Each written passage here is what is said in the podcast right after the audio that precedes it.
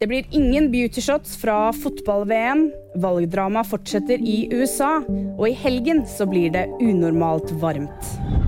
Vi får ikke se såkalte beautyshots på norske TV-skjermer under fotball-VM i Qatar. Det bekrefter NRK og TV 2.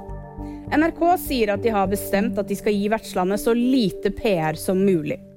Mange kaller det en skandale at fotball-VM avholdes i Qatar, og ifølge Amnesty så har over 15 000 mistet livet siden forberedelsene av mesterskapet begynte. Senatsvalget i USA er ennå ikke avgjort, og det er fordi tre delstater gjenstår. Til nå så har republikanerne sikret seg 49 senatorer og demokratene 48. Det telles fortsatt i Arizona, der demokratene leder, og i Nevada, der republikanerne leder. I Georgia så blir det omvalg fordi ingen av kandidatene fikk over 50% av stemmene. Og derfor så kan det ta tid før vi vet hvem som får makten i den amerikanske kongressen.